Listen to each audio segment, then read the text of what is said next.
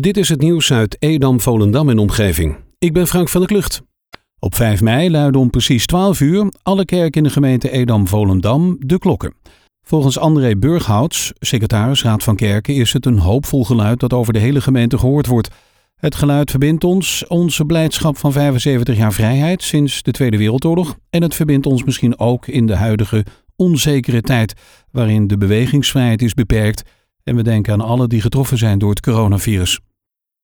Zaterdagavond was de vierde editie op rij van Edam Volendam in actie Bingo via Facebook. Iedere week komen meer kijkers bij en dat komt mede door de waanzinnige presentatie en prestatie van bingo-master Eddy Guit. Er werden zes rondes gespeeld en je maakt kans op prijzen en waardebonnen van ondernemers uit Edam Volendam. De prijzen worden voor de volle 100% gekocht bij de lokale ondernemers om hen in deze bijzondere periode te steunen. De organisatie organiseert de bingo geheel belangeloos. De Use Products winkel aan de Hoogstraat in Purmerend is zaterdagochtend rond 10 uur overvallen door twee of drie gewapende mannen.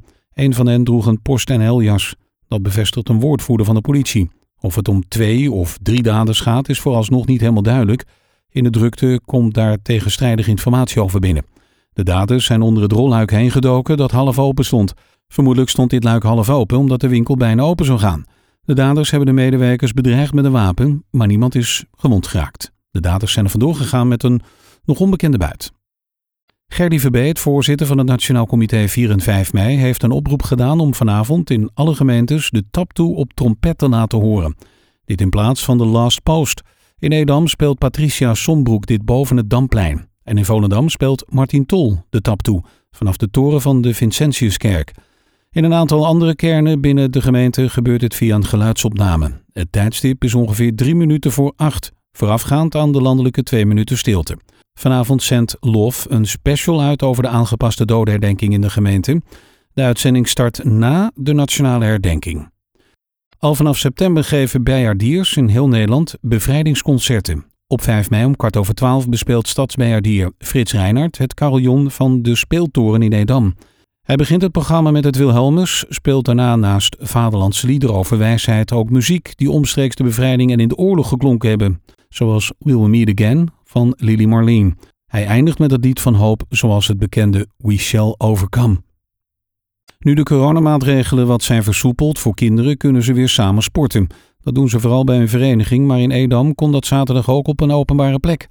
Normaal gesproken is dit verboden vanwege het samenscholingsverbod, maar sportkoepel Edam-Volendam kreeg hiervoor groen licht van de gemeente.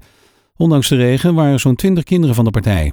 Ook volgende week organiseert de sportkoepel weer de nodige activiteiten. Dag, tijd en plek kan je vinden op een Facebookpagina.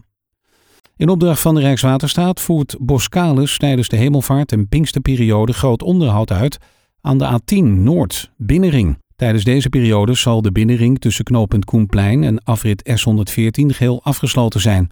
Maar ook inclusief de tussenliggende op- en afritten. Het verkeer wordt omgeleid via de A10 West, Zuid en Oost, waarbij de extra reistijd kan oplopen tot een uur. De A10 Noord-Buitenring blijft wel open. De regio Zaanstreek-Waterland heeft een rustig weekend achter de rug wat de corona-uitbraak betreft. Er kwam slechts één nieuwe besmetting bij. In de gemeente Zaanstad werd de 334ste besmetting geteld. Dat blijkt uit de nieuwste cijfers van het RIVM. In de hele regio Zaanstreek-Waterland zijn nu 745 coronabesmettingen vastgesteld. Tussen vrijdag en zaterdagmiddag werd ook slechts vier nieuwe vastgestelde gevallen gemeld. Een verlaten woonark voer vrijdagavond alleen over de ringvaart bij het Twiske. Het is onduidelijk waar de woonark, die al enige tijd niet meer bewoond wordt en geen ramen meer had, vandaan kwam. Landsmeer wil de losgedragen woonboot niet bergen, want die vond dat te duur. Later greep Oostzaan in en vroeg Hoogwoud Berging de boot uit het water te halen. Een bootje werd in het water gelaten om de op dreef geraakte ark naar een brug te slepen, waar de ark op een oplegger werd geladen en kon worden afgevoerd. Tot zover het nieuws uit Edam, Volendam en omgeving.